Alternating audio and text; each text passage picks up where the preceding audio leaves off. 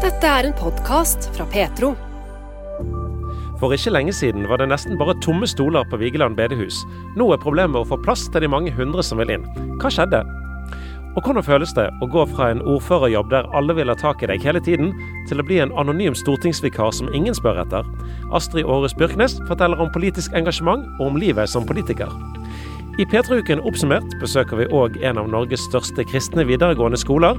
Vi får ukens poptips fra Einar Helgaas, og Solveig Angelsgaard deler tanker i spalten Refleksjon.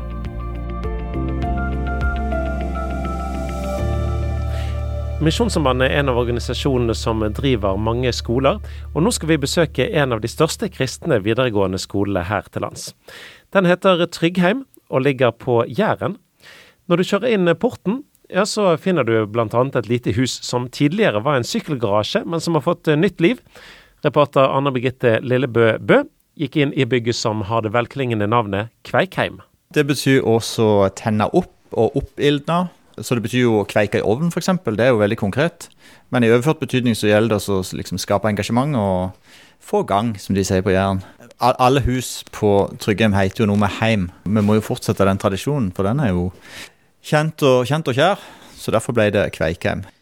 Og her er det Det henger masse fint i dette bygget. Dere finner på utrolig mye ting som elevene får lov å lage. Hvem er det som finner på å ha ideer her? Nei, Det er vel hovedsakelig lærerne da, som er i faget. Knut Hanland og Silje Undheim, som finner på produktene.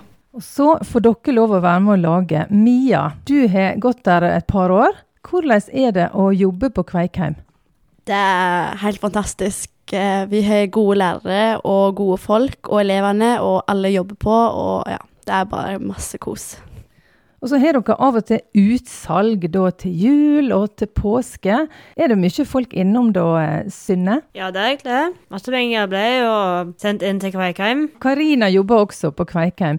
Du, hva er det kjekkeste du vet å lage her? Sy erteposer og forskjellige ting på symaskinen. Og være og trykke og gjøre litt forskjellig her. Så her er mye forskjellig en kan lage. Her er jo ting både i tre, og dere syr. Og når jeg kom inn her, så ble jeg altså møtt med T-skjorte. Så nå driver jeg og trykker T-skjorte med Petro på. Julia, du òg har vært her noen år. Hva syns du om å jobbe på Kveikheim, er det kjekt? Ja, jeg syr og er kjekt og sånne ting. Randi, du hjelper til her. Hvordan er det å få gang på elevene å lage disse produktene? De er ganske positive. Nå er ikke jeg så mye nede her på Kveikheim, men uh, det er veldig kjekt når jeg får være med nede og se av og til. Og ja, jeg er med i andre fag. Og de har også lagd en egen sang om Kveikheim, faktisk. Så den er de gode på. Den synger vi mye på fredager i musikken. Den sangen må vi få høre om en liten stund, men først litt mer om bakgrunnen for dette bygget som vi står i, der så mye fint blir laga, Knut. Ja, det er en tidligere sykkelgarasje som vi fikk holdt på å si greie noe til. Men eh, driftsavdelingen syns etter hvert det var en veldig god idé, så de har backa opp oss og lagt til rette, så vi har fått det veldig trivelig. Og fått både varme og lys og varme. Men vi har lyst på noe større. Vi vokser jo. Vi har jo masse gode ideer som ikke er realisert ennå pga. plassmangel. Så vi, vi sikla litt på det brune bygget 100 meter ifra, som er enda litt større. Og så kjørte i gang en liten butikk på en slags att- og frambruks- og gjenbruksbutikk. Med litt nytt og litt gammelt. Så vi kunne få inn folk her på daglig basis. Og latt handelen gå. Så har de fått seg litt mer trening på på å handle med folk hver dag. Og mm. salgssamtaler og sånn. og elevene. De er veldig dyktige, men uh, det må ut til verden. Synne, er du her hver dag og jobber? Nesten to ganger i uka. Jobber litt med Livi. Digger de. Gjør ting som ikke jeg har gjort før. Gass og fart. Og det er løye med. Og gjengen. Mia, hva lærer du av å være her og jobbe på Kveikheim? Eh, vi lærer også å møte folk. Altså Eh, vi lærer jo nye ting, men også at vi kan på en måte snakke litt med kundene og ha litt engasjement og liksom, ja. Og som sagt så lærer vi mye forskjellig. Vi lærer mye ting. Vi har jo gode lærere, og de kommer med ideer, og så snakker vi om det, og så tenker vi at ja, det kan vi få til. Så vi har god relasjon med ja, hele gjengen. Tilrettelagt avdeling på Tryggheim har altså en egen praksisplass på huset. Ja, det begynte med at vi før måtte vi kjøpe praksisplasser til de eksternt eh, og betale 25 000 kroner per elev i året, pluss ledsager som måtte være med hele tida. Eh, en del av det var nok eh, nokså ensformige arbeidsoppgaver. Så vi tenkte eh, flere fluer i én smekk, og så bygge vårt eget. For lokalene sto, sto jo her, og det var jo bare sykler i, så hvorfor ikke gjøre noe mer ut av det. Eh, så nå, vi, nå kan vi heller bruke de pengene det før kosta å kjøpe plass på, og så kjøpe utstyr og maskiner og sånn. Og så lager vi fine ting som vi selger, så da eh, bruker vi en del av de pengene vi tjener på å kjøpe det vi trenger. Så da går det litt mer i, i null for skolen òg. Og så kan vi variere mye mer og ha det mye kjekkere i lag og være alle samla i et bygg og ha gode arbeidsdager med god stemning. Kreativiteten vår utløp ned i kveiken vår. Her kan vi være med å skape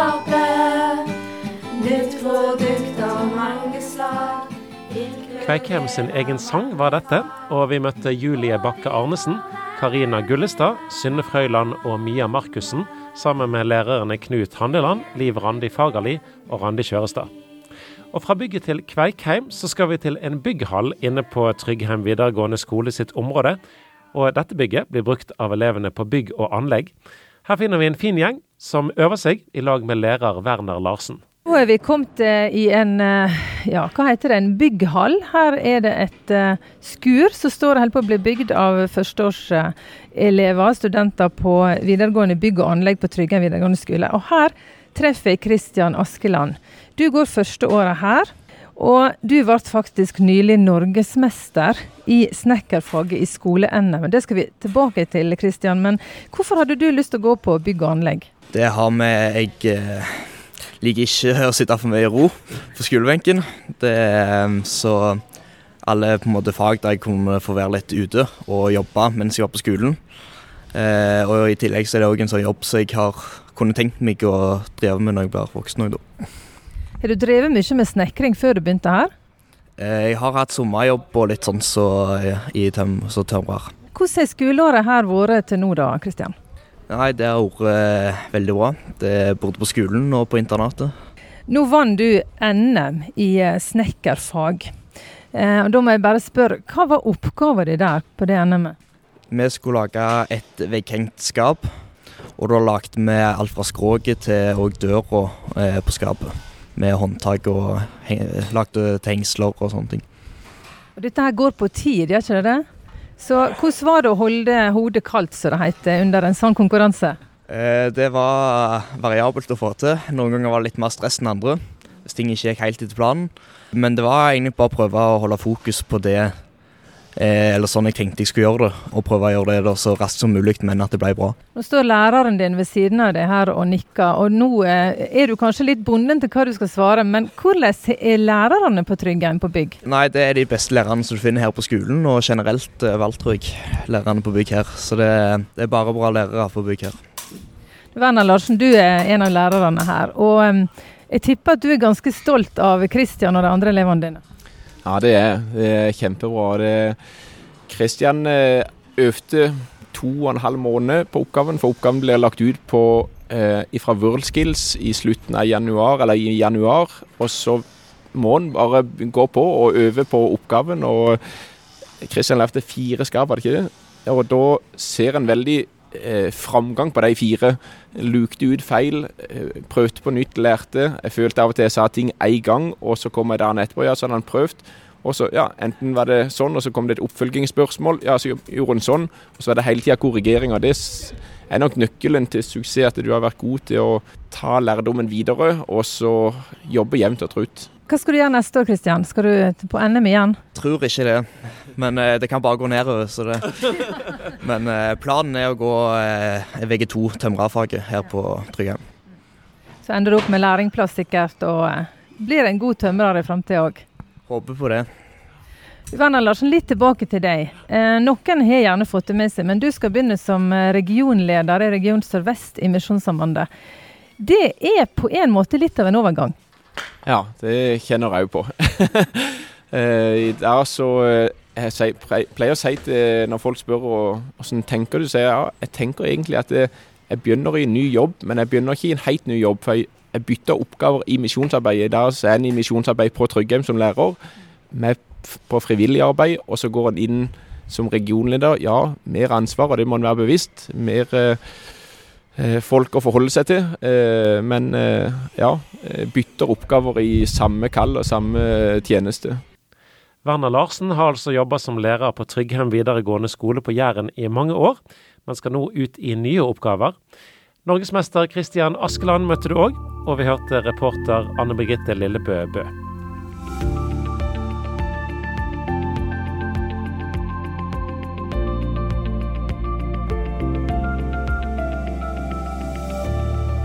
Hver onsdag ettermiddag i Petro sine radiosendinger ca. klokken kvart på fire, så kan du høre Einar Helgaas, musiker og eh, skolelagsarbeider, som kommer med sine poptips. Dette er ikke bare musikk det gjelder, det her er det betraktninger om livet i sin alminnelighet, men som leder fram til tips om musikk som du kan høre. Og her er denne ukens poptips fra Einar. Jeg innser i dag at det beste tidspunktet for å lage en andakt må være rett etter en har vært på en kristen retreat. For du vet, Gud er en kommuniserende Gud, og særlig hvis du kutter ut alt du står i til vanlig av jobb, familie og digitalisert hverdag, ja, da kan du høre Guds stemme bedre. Ja, kanskje til og med mye bedre. Akkurat nå føles det som om jeg kunne lagd en, en haug med andakter. Ikke fordi jeg er så himla flink, men fordi Gud har talt til meg gjennom stilletid, fjellturer, Bibelen, sang, bønner, vitnesbyrd, måltider, fuglesang og enda mer. Det er dessverre mange år siden sist, men etter å endelig ha kommet meg av gårde, særlig inspirert av en kamerat, kom jeg mandags kveld hjem fra en nyvinning som het Topptur-retreat på Sandom Retreat Center. Kanskje noe for deg neste år om du liker spektakulært friluftsliv i Jotunheimen, sammen med deilig Jesustid. Uansett, jeg går høyt ut her og anbefaler deg sterkt å gjøre som Jesus. Han trakk seg jo jevnlig tilbake for å være med sin far og ta en pause fra et svært aktivt virke. Hør fra Markus 1,35. Morgenen etter, medan det ennå var mørkt, sto Jesus opp, gikk ut og drog til en au stad. Der ba han. Hm. Da lurer jeg på, og nå bør du ta på sikkerhetsbeltet, er det en spesiell grunn for at du og meg ikke skulle trenge det samme? Om Jesus, som er Gud, trengte det, er det ikke da sånn at vi skrøpelige mennesker, som ikke er Gud, virkelig trenger dette, og egentlig trenger det enda mer enn han? Men nei, Jesus, vi er moderne mennesker, vi, som har full kontroll. Selv om vi står i mange ansvar og har mye å henge i med jobb og familie i menighet og alt mulig, så klarer vi oss helt fint, vi. Vi har fred i sjelen, lever hellige liv, akkurat sånn som du har kalt oss til. Men er det sant? Jeg tror du tar tegningen. Jeg tror vi alle trenger å gjøre som Jesus. Men så klart, om en tar søndagsfri på alvor, der en virkelig stopper opp fra det en står i ellers i hverdagen, kan mye godt skje der, til og med på ukentlig basis. Men siste dagen på retreat skulle vi på fjellet Rundhø fra Juvashytta i Jotunheimen. Men tett tåke gjorde at vi heller tok en billig, men gøy variant der vi rant ned til Raudebergstulen før vi returnerte til Sandom. Og En av de fine tingene når andre kjører bilen, er at du kan studere kulturlandskap og naturlandskap i ro og mak. Og da la jeg merke til en detalj. På nordsiden av dalen var det et kjempesvært belte av bjørk. Men alle trærne var så tynne. Ingen hadde vokst seg tjukke og store. Som vedprodusent tenkte jeg at dette var jo litt dumt for bonden, som tross alt trenger litt volum på trærne når han først skal felle de, for å varme seg og bygdas forfrosne. Og det slo meg at om det var tynna skikkelig ut der, kunne flere vokst seg store. Da ville de lettere kunne stå seg mot stormer, og de kunne få kjent på det som billedlig talt alle voksne mennesker naturlig nok lengter etter, å kjenne seg moden, trygg, solid, vis, rolig og med et dypt rotsystem. I så måte var dette en hel skog med umodne ungdommer, preget av overfladiskhet, der en blir hakkekylling av hundrevis av notifications, altså plings og meldinger på mobilen, som gjør at en aldri finner helt roen til å modnes og vokse seg sterk. At mobilen er nyttig til mye, tror jeg vi alle er enig i. Det er f.eks. veldig krevende å kjøpe bussbillett med en gammel Nokia i dag. Men mobilen kan òg være en fiende. Smarttelefonen er paradoksalt nok en av vår tids største velsignelser og forbannelser på samme tid. Og jeg spør det at så mange av oss har den i lomma eller i armlengdes avstand hele dagen, og til og med mange av oss går til sengs med den, gjør det oss godt, egentlig? Så klart, det å sjekke Yr og lese nyheter og søke opp ting vi skal kjøpe, det er mange nyttige ting vi kan bruke mobilen til. Men så er det òg sosiale medier som flere og flere av mange grunner advarer oss mot å bli oppslukt av. På Sand i fjor advarte en tysk bønnekjempe på følgende måte. Han mente nemlig mobilen var et større problem for oss i gudsforholdet enn seksuell synd. Det kan være noe å tenke på. Men da kommer vi til dagens kjernepoeng. For oss som er altfor limt på mobilen, er det ikke fort gjort at vi ender opp som en gjeng med tynnvokste, umodne bjørker, som ikke får bli solide trær med store, dyptgående rotsystemer. Én ting er at vi både kan slite med å høre lyden av vår egen sjel, altså vite hvordan vi virkelig har det, mens vi putter på konstant med stimuli. En annen ting er at vi kanskje sjelden opplever Guds nærvær midt i det digitale regnet. Og at vi kan slite med å være nærværende for våre nærmeste. Det kan jo i verste fall ende i katastrofe, eller føre til kaldere relasjoner, og det er vel et sted ingen av oss ønsker å være. Tenk om mobilen bør ligge i gangen når vi er sammen med våre nærmeste. Mens kompisen min og jeg kjørte over Valdresflia, kjente jeg allerede på Guds kall til oppgjør med min altfor store nærhet til iPhonen min. Så med unntak av Strava på tur, var den avskrudd, og jeg elsket det. Ingen fikk lov til å forstyrre roen under retreaten gjennom telefoner og meldinger og andre ting. Og hva skjedde? Jeg kjente større ro i sjela, jeg kunne høre Guds stemme bedre, og jeg kjente meg på en grunnleggende måte sterkere og helere som menneske. Tillat meg nå å være skummelt konkret, for her er mine ferske valg. Jeg skal ha mobilen avskrudd fram til klokken ti hver dag, inspirert av John Mark Comer i den anbefalte boka The Ruthless Elimination of Hurry. Jeg skal skru den av mellom ni og ti på kveld, eller helt av under sabbaten fra klokken 18 lørdag til klokken 18 søndag. Vel, det var meg. Så får du finne ut hvordan du skal verne din sjel, så du kan være til stede med din Gud og dine nærmeste. Det som uansett er helt sikkert, er at det er fullt mulig å bli inspirert av følgende bibelvers fra Jesaja 30, vers 15. For så sier Herren Gud, Israels hellige, i stille og tillit skal dykkers styrke være. Dagens poptips kler retreat-formatet, der en synger vakre salmer og TC-sanger heller enn moderne lovsang. Så nå skal du få høre min favorittsalme, sunget og arrangert av Audrey Assad. Hun er en dyktig amerikansk singer-songwriter fra Virginia som begynte å spille piano allerede som toåring. Slå den men jammen formidler hun godt med sin flotte vokal. Min kjære venn som hører på.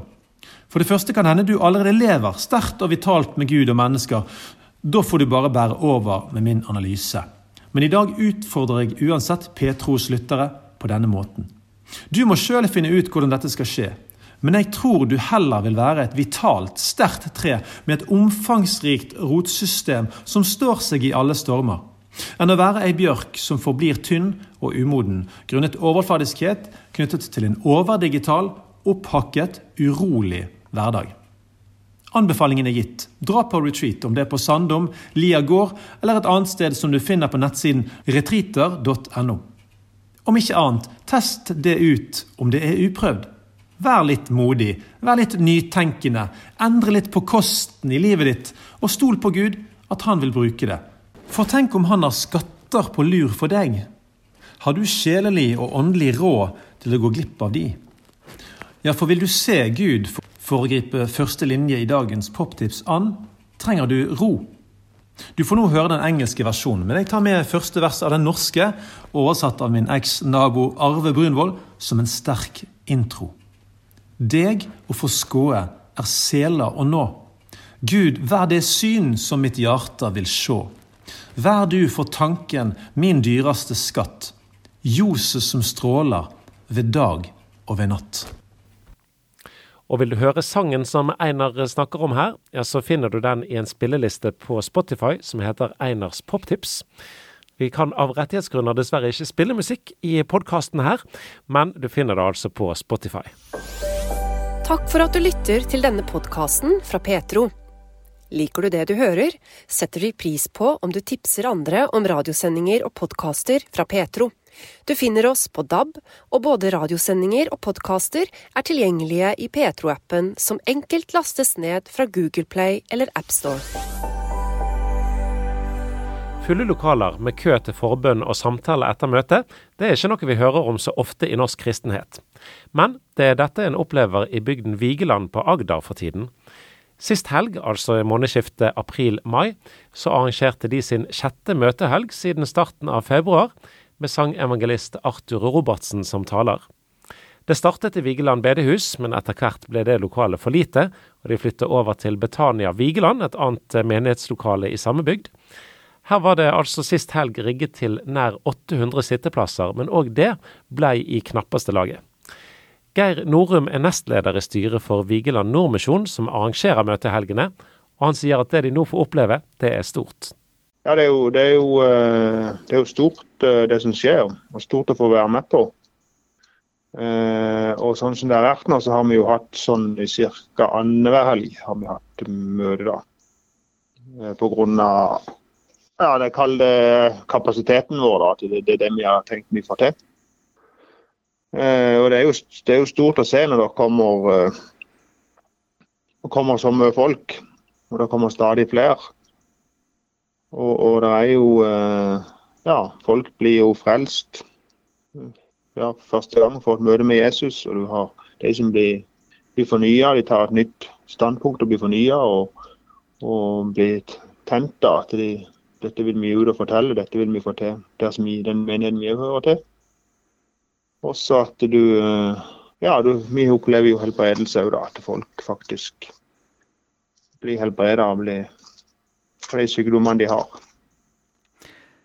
Dere har holdt på nå i, i flere uker og, og rett og slett måtte flytte ut av Vigeland bedehus, for lokalet ble for lite. Ja, vi gjorde det her forrige, ved forrige helg vi hadde møte. Ja, da flytta vi. Til vanlig så var dere altså en, en 10-15 personer på, på møtene, og, og, nå opplever dere at uh, møtesalen blir for liten. Hvordan, uh, hvordan er det for, for, dere som sitter i styret og som, som arrangerer møtene, og, og opplever noe sånn? Nei, det er jo ja, for det er jo egentlig det, det er jo uvirkelig, da. At en, at en, at en har uh, at det har blitt sånn på Vigeland. For, for uh, vi har jo, som du sier, vi har jo hatt en litt laber aktivitet der, og det har ikke vært i våre tanker at sånne ting kunne skje på Vigeland også så kjapt. Uh, så for oss er det jo virkelig, da. Men vi har, uh, vi har klart også å få det til, da. Vi har jo, vi har jo fått et bra, bra samarbeid med, med Betania på Vigeland, altså nabomenigheten vår der. Og så har vi òg bra samarbeid med mange personer som, fra forskjellige menigheter både rundt i, i Lindesnes Vigelandsområdet og i Mandal. Sånn at vi sånn organisatorisk og de tingene der, da, så uh, har vi fått det til å fungere bra. Um, selv om det har uh, økt på veldig, da. Fra de der 20-30 stykk til Nå var vi vel 8, drøyt 800, kanskje 850 på siste møte på søndag. Og med et, et sånn et høyt besøkstall, så, så det er kanskje ikke bare de lokale fra Vigelandsområdet som, som, kommer, men det kommer fra bygdene og tettstedene rundt omkring og, og ellers fra landet òg? Ja, det gjør det. Eh, det er jo hele denne såkalte Mandalsregionen, eller Lindesnes-regionen som vi kaller det. Og så eh, kommer jo folk fra andre plasser av landet. Ja, du har Notodden, du har Jæren og Bømlo. og ja, Bergen. Og, og vi har jo vært kontakta av folk fra Sverige, faktisk. Hva eh, tror du det er med, med møtene på, på Vikeland som, som, gjør at det At dere opplever det dere nå gjør, og, og der er eh, som begrepet som en har brukt eh, flere ganger tidligere om, om, det som skjer på Vigeland, at det er vekkelse nå.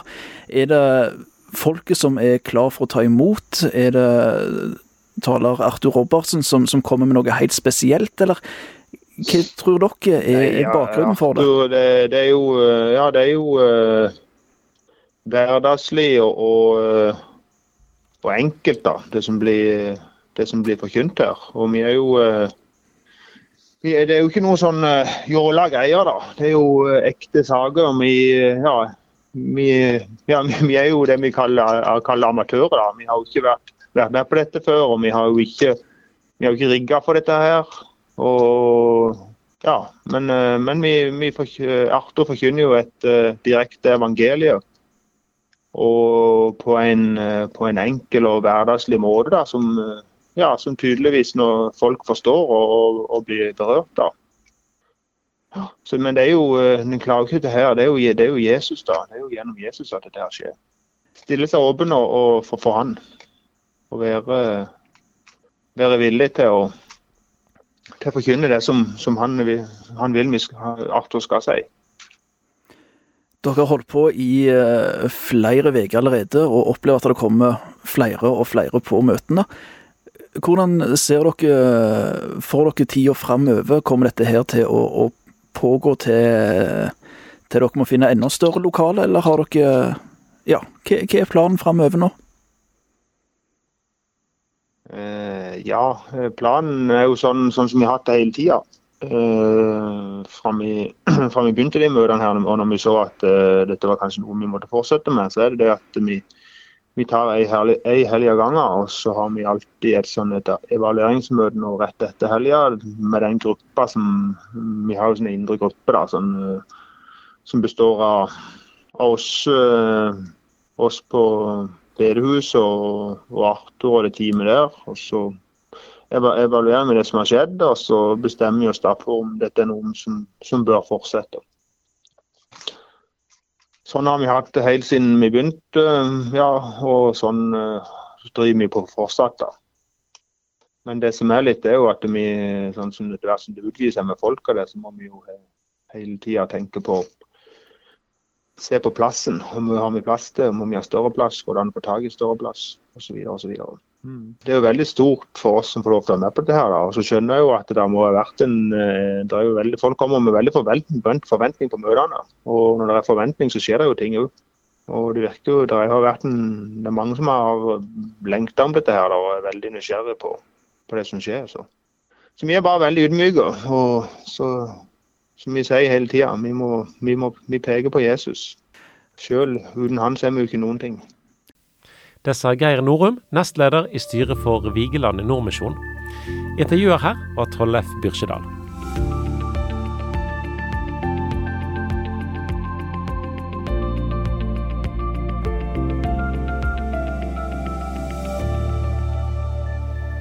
Til høsten er det kommune- og fylkestingsvalg igjen, og tusenvis av nordmenn skal stille til valg for å gjøre en innsats i kommunen eller fylket der de bor. Hvordan er det egentlig å være politiker? Astrid Aarhus Byrknes har vært politisk aktiv i 16 år, og er klar for enda en ny periode fra høsten. Inntil for eh, fire år siden så var hun ordfører for KrF, og hun er fremdeles første vararepresentant til Stortinget. Men Astrid Aarhus Byrknes måtte tenke seg nøye om før hun i 2007 sa ja til å stille til valg for første gang. For det tar tid å drive med politikk. Ja, det går mange timer, og jeg visste at det går jeg inn i det, uansett hva posisjon jeg ville få da, så ville jeg gå fullt og helt inn i det.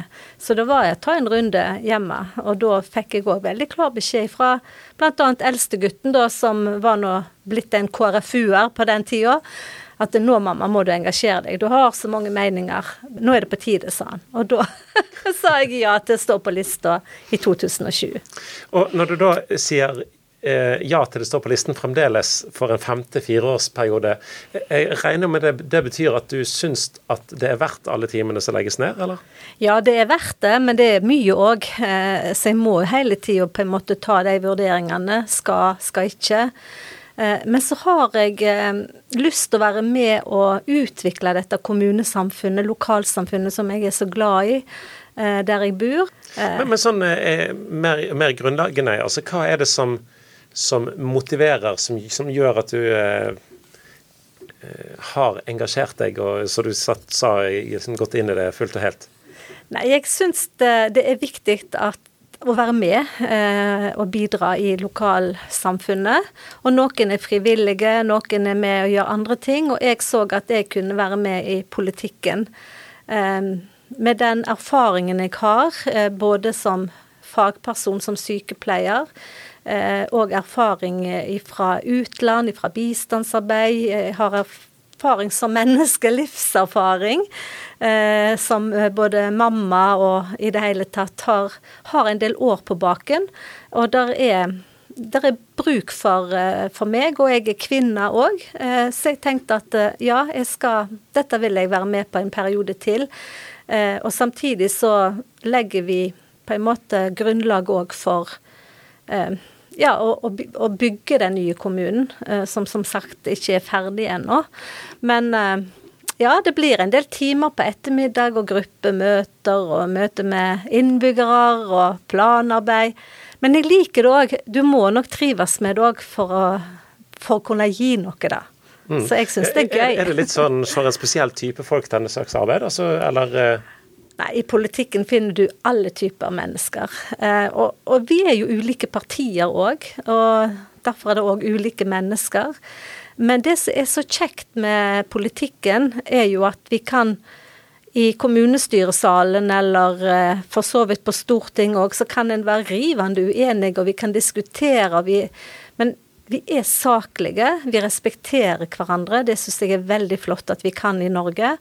Og når vi er ferdig med en god debatt, og vi har blitt uenige, og ja, så kan vi etterpå møtes til en kopp kaffe, en prat i pausen, og vi kan le sammen og ha det gøy i lag. Eh, og det syns jeg er så unikt. Eh, og det har jeg opplevd disse årene, at jeg har fått så mange gode venner, helt tverrpolitisk, som jeg har kontakt med den dag i dag. Eh, det er faktisk veldig givende, hvis du ser sånn på det. Og så får vi på en måte bære over med hverandre at vi har ulike standpunkt og meninger, men, men det er jo sånn demokratiet er. Eh, og det syns jeg er veldig fascinerende òg. Ja, men Hva er det som gjør at uh, en kan, kan, finne hverandre uh, og bli, bli, venner, selv om en politisk står uh, helt i hver sin ende av sakskartet, for å si det sånn? ja. Nei, jeg tror det handler litt om at vi gir jo veldig mye av oss sjøl, på en måte. Vi legger mye i det. finner ut av ting, setter oss grundig inn i sakene, snakker med folk, får argumentasjon både faglig og politisk. Um, og da vet vi at ja, Astrid hun jobber sånt, og Nina hun jobber sånt. Um, og vi vet på en måte uh, hva vi står for. Og det er trygt, og det er greit. Og avklart, ikke minst. Og det gjør at vi òg kan på en måte møtes i en sosial setting, eller drikke en kaffekopp på fritida i lag. Uten at en trenger å være bestevenner. Men eh, det er liksom noe med at vi er der for noen, eh, og vi vil jo alle vel. Uansett hva slags parti en tilhører, så vil en jo noe. Ehm, og det er, er, jo flott at vi i Norge kan ha det sånt, da. At det ikke er sånne bitre fiender som eh, Ja, av og til så går det ei kule varmt, ja, og en sier noe en sikkert ikke skulle ha sagt, og en skriver en kommentar på Facebook som er sårende. Men jeg har i hvert fall opplevd at når det skjer, så kan jeg òg gå til vedkommende si, 'vet du hva, dette reagerte jeg på', jeg ble lei meg når du skrev det'. Og da blir det litt sånn Sier du det? Ja, nei, det må Jeg skal ta det vekk med en gang, eller endre på det, eller Jeg syns det er godt at vi kan ha et sånt åpent og ærlig forhold oss imellom som lokalpolitikere, i hvert fall. Men, men, hva er på en måte nøkkelen til å kunne være sterkt uenige eh, i det ene øyeblikket, og, og likevel ha på en måte respekt for hverandre og kunne samarbeide godt? Jeg tror det, det ordet respekt er viktig. At vi, har, eh, vi er enige om å være uenige. Eh, og at vi respekterer at vi har ulike syn. Eh, og så kan vi debattere og være uenige. Og jeg har i hvert fall opplevd i lokalpolitikken at det er sjeldent at det blir sånn ufint, og at en på sett og vis snakker ned hverandre eller rakker ned og bruker sterke uttrykk og ja. Eh, men at en diskuterer, debatterer på saklig grunnlag, det gjør en veldig ofte òg lokalpolitisk, selv om vi er veldig enige i lokalpolitikken om det meste. Eh, så blir det noen debatter eh, som òg blir prinsipielle å ta. Og da har jeg i hvert fall opplevd det at ja, vi er saklige, vi er, vi er greie med hverandre. Og det tror jeg òg utspille seg etterpå på gangen, når vi er ferdig med debatten og får en slags Nå, nå lader vi litt ut, faktisk. Det blir litt sånn ah, Vi tar en kopp kaffe og snakker om vær og vind, rett og slett. Det er òg en måte å komme videre på.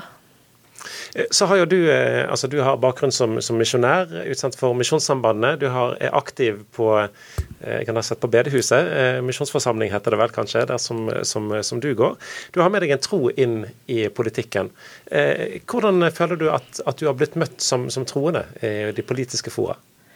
Jo, det har jeg opplevd og positivt. Jeg tror jeg Ja, det er alltid noen som har meninger om det, da. Men eh, for meg som, som kristen og som, som en truende, da, så har det alltid vært viktig å være meg, med, med både min tru og med den jeg er, uansett hva jeg går inn i, og i politikken. Eh, og jeg har fra dag én vært òg veldig tydelig på hva jeg tror på, eh, selv om eh, når jeg tilhører et parti som har ordet 'kristelig' i seg, så er det mange som tenker at ja, da er partiet sånn eller sånn.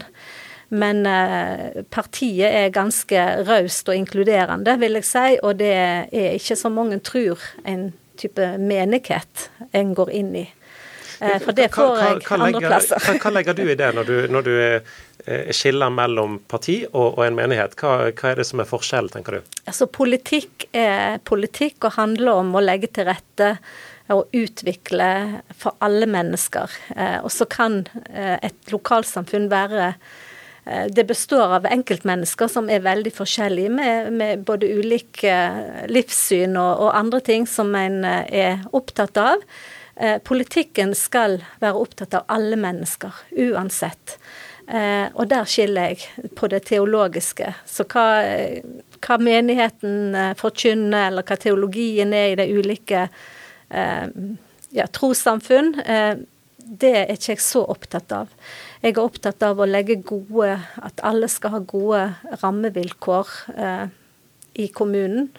Eh, både for innbyggere og næringsliv og lagorganisasjoner. Eh, og det som handler om mitt gudsliv, på en måte, der henter jeg inspirasjon når jeg går i min menighet. Eh, I KrF da får jeg inspirasjon til å drive politikk, og så har vi et verdigrunnlag som vi bygger politikken på, som er jo derfor jeg har valgt KrF. Fordi det bygger, bygger på det kristne, de kristne verdiene slik det kommer til uttrykk. I Bibelen står det faktisk, i vårt verdigrunnlag.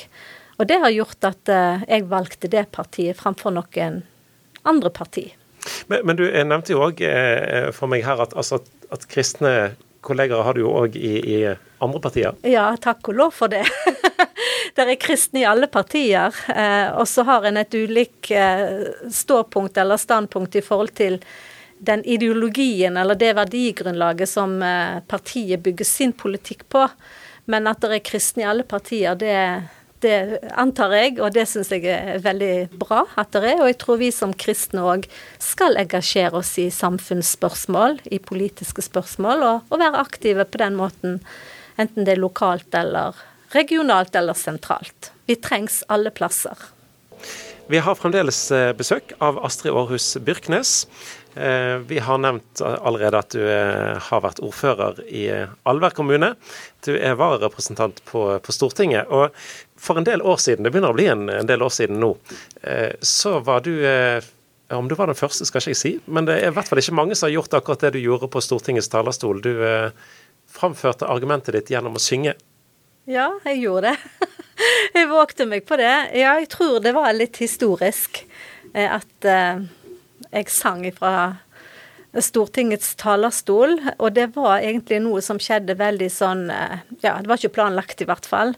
For mens jeg satt og tenkte på det innlegget jeg skulle ha, så slo det meg at ah, den sangen kunne ha passa så godt inn her, i hvert fall noen linjer av den.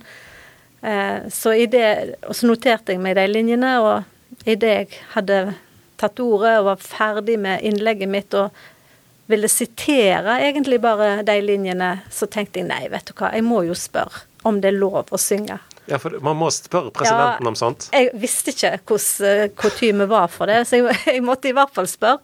Så jeg spurte eh, presidenten, og han sa nei, det tror jeg går an, sa han. Og så gjorde jeg det, og lite ante jeg at det skulle få En ting at det var litt sånn historisk, det, men det berørte mange. Uh, og plutselig så ble, var det jeg som var gjenstand for den de var på jakt etter i vandrehallen, der alle journalistene og mediene, pressa, står. Og, og, nå var det meg de kasta seg over. Og det var jeg jo overhodet ikke forberedt på. Og en helseminister som var til stede i den debatten, eh, kom bort til meg og nærmest verna meg mot alle disse journalistene og la sin arm rundt meg og i det hele tatt uh, 'Dette går bra'. Vi, han sto der faktisk med meg under intervjuet. Uh, så det var egentlig veldig fint gjort. Det var Bent Høie som da var helseminister.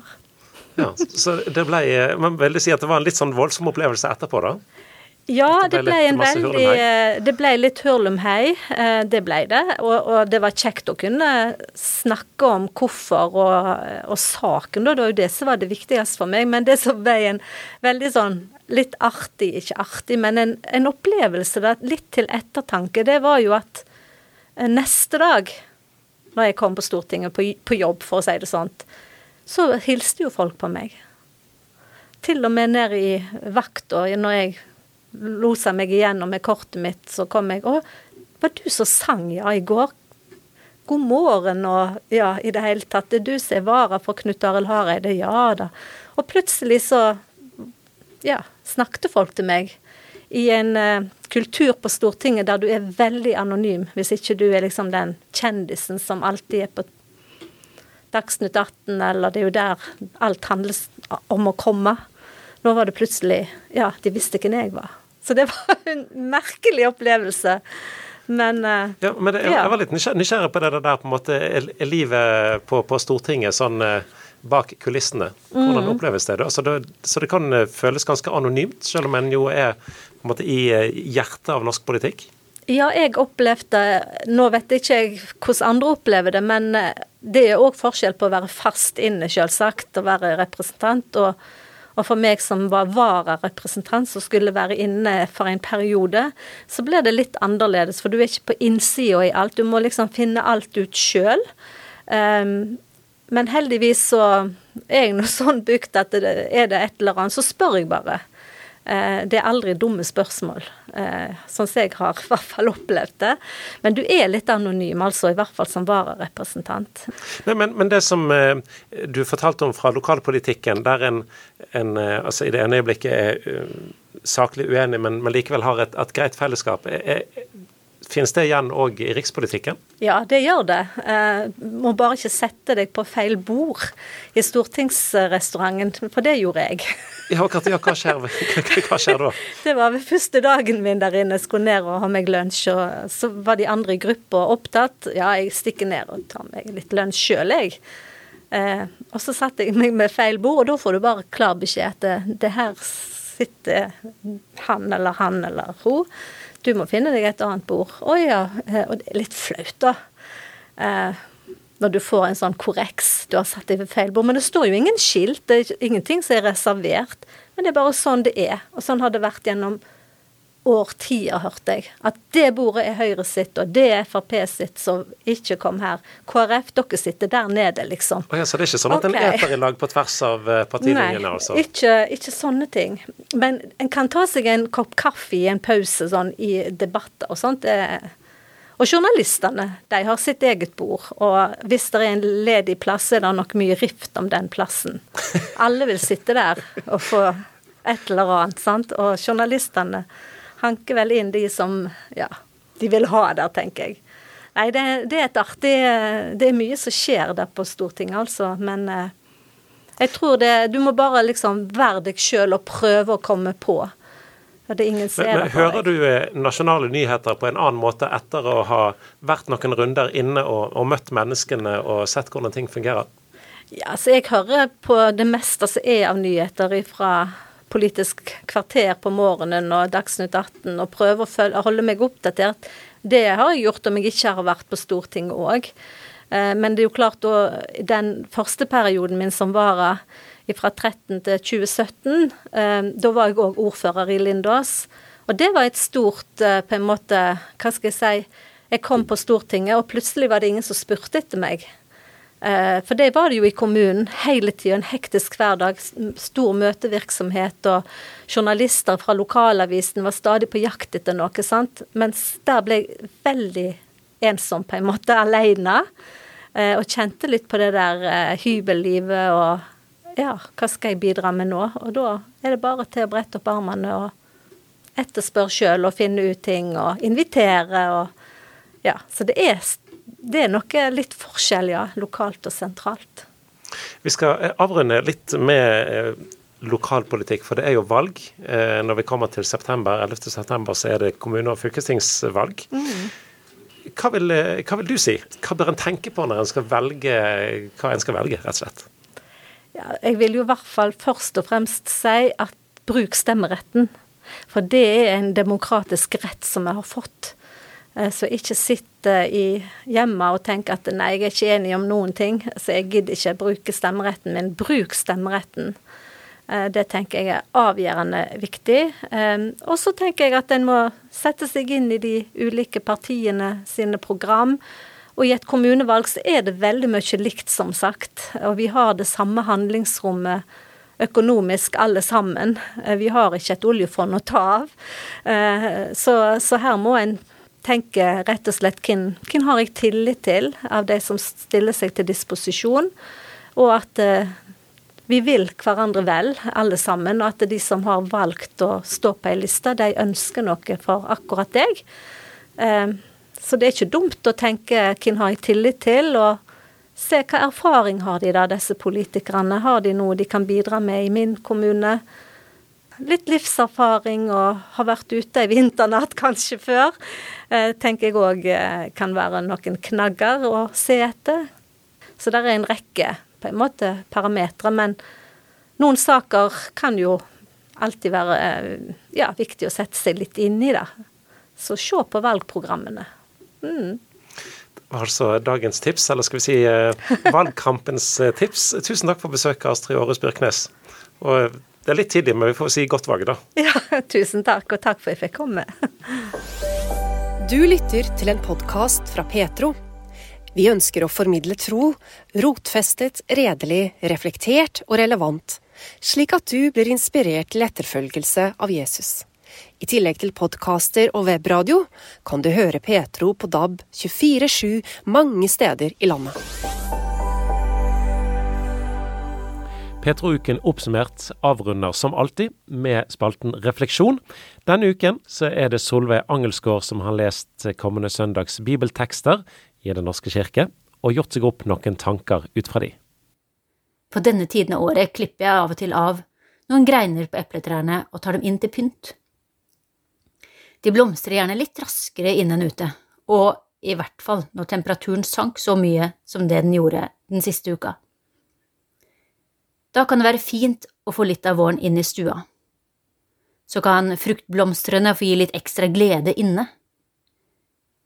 Men om de blomstrer når de kommer inn, så vil de aldri kunne bære frukt. Det vil aldri bli epler på de grenene jeg tok inn til pynt. De vil være vakre en stund, før de visner og jeg kaster dem i komposten. De blomstene som kunne blitt til epler, de fikk ikke muligheten til det, fordi jeg tok dem vekk fra treet, som de trenger å være en del av for å kunne gi frukt. Jesus sammenligner seg selv med stammen på et vintre, og oss med grenene. Slik som greinen ikke kan bære frukt av seg selv, men bare hvis den blir på vintreet, slik kan heller ikke dere bære frukt hvis dere ikke blir i meg, står det i Johannes 15.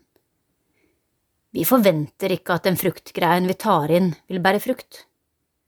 Men forventer vi at vi skal vokse som kristne, selv om vi ikke leser i Bibelen, ber eller treffer andre kristne? For å bli kjent med Jesus og få et bedre forhold til han, så må vi jo bruke tid sammen med han. Slik er det med alle relasjoner.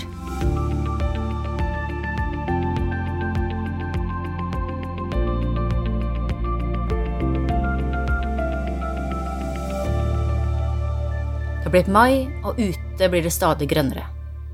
Gresset vokser, og bladene på trærne spretter. Det klør i fingrene etter å kunne så grønnsaker direkte i jorda, og til å kunne plante agurkplantene som nå står inne, ut i drivhuset. Men det er fremdeles litt for kaldt her på Vestlandet. Da måtte jeg nok i hvert fall ha spandert strøm på drivhuset, og det gjør jeg ikke. Jeg er absolutt ingen ekspert, men liker å jobbe i hagen og se at det vokser. Og så er det en stor bonus når det en sår etter hvert kan høstes og spises. Været, det kan jeg ikke gjøre så mye med, men jeg kan gjøre det som står i min makt for å plante i god og næringsrik jord, binde opp planter som trenger det, tynne når gulrøttene er sådd for tett, passe på at alle plantene får nok vann. Bibelen sammenligner Gud med en vinbonde.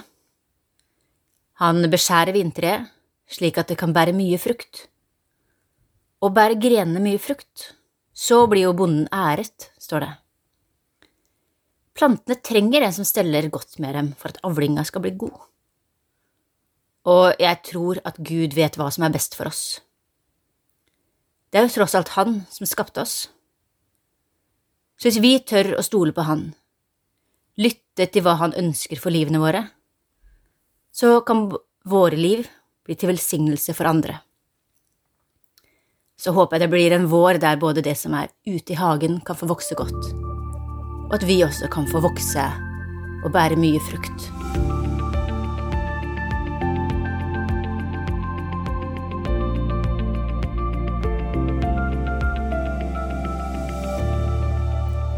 Poding av frukttrær, det er noe som fascinerer meg. Tenk at det er mulig å ta ei grein fra et tre og feste det til en annen stamme. Og så kan greina vokse videre på denne stammen. Og går dette bra, så vil den vokse og etter hvert bære god frukt. Når du har kutta ei grein fra stammen sin, så skulle en jo tro at eh, greina etter hvert ville dø, sakte, men sikkert visne. Men hvis det er noen som kan å pode, som fester den avskårne greina til en stamme på rett måte, så vil den ikke dø. Den vil fortsette å vokse, og så vil den kunne bære frukt. Et eh, lite mirakel. Det står faktisk om poding i Bibelen også. Paulus skriver om det i det brevet han skrev til romerne. Han skriver om en vill oljekvist som ble podet inn på stammen med de andre grenene, og at de da alle er likeverdige, fordi de får sevje fra samme stamme. Slik skriver han.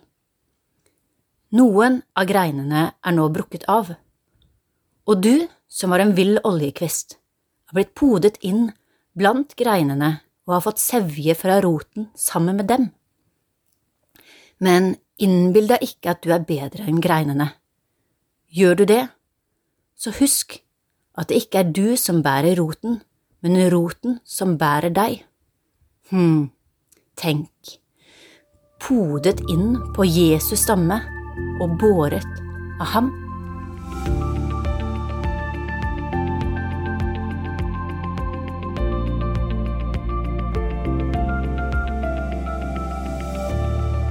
Har du noen gang kjent på følelsen av å ha gjort noe dumt?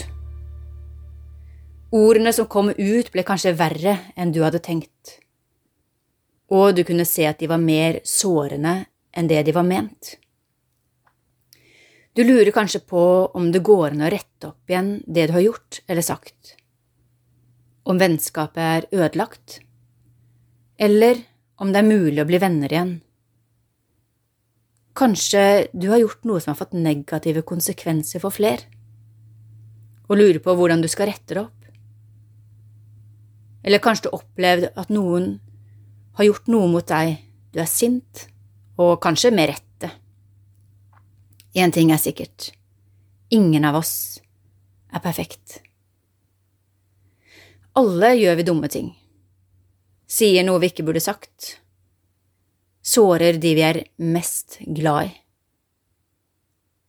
Noen ganger så skulle jeg ønske at jeg kunne spolt tida tilbake, slik at det var ugjort og usagt. Heldigvis klarer de fleste av oss å bli venner igjen. Vi klarer å finne tilbake til hverandre. Og av og til så kan jo de vonde tingene snus til noe godt, og kanskje vi kommer nærmere hverandre etter en krangel.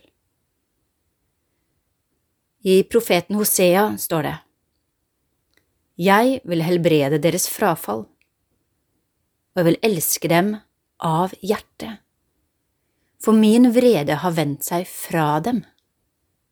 Hm, min vrede har vendt seg fra dem, og jeg vil elske dem av hjertet.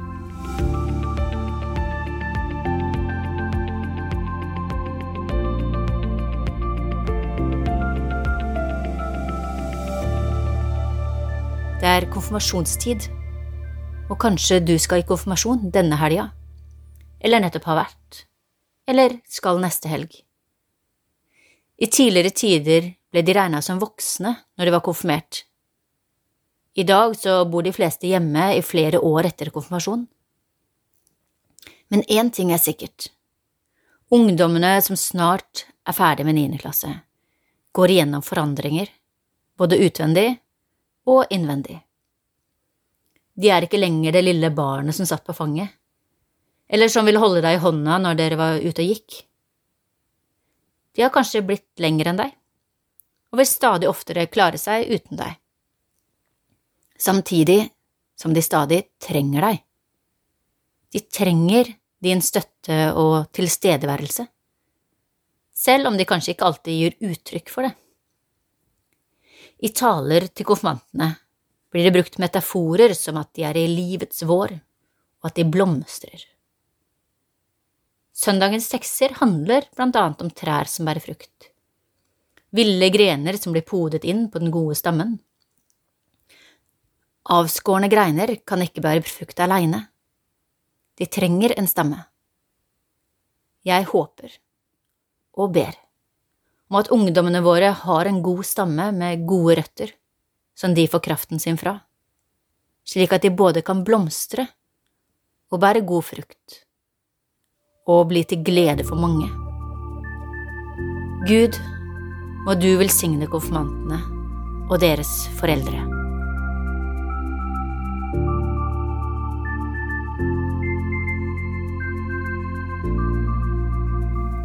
Du hørte altså Solveig Angelsgaard i spalten Refleksjon. Jeg heter Bjørn Inge Sagstad og sier tusen takk for følget i eh, denne podkasten. Ny podkast eh, fra oss får du neste fredag. Og vi kan jo nevne at vi har òg andre podkaster, bl.a. Petro-gjesten, som gir deg troshistorier og møte med mennesker som forteller fra sine liv. Ha en riktig fin helg, eller hvor tid nå måtte være du lytter til denne podkasten. Vi høres.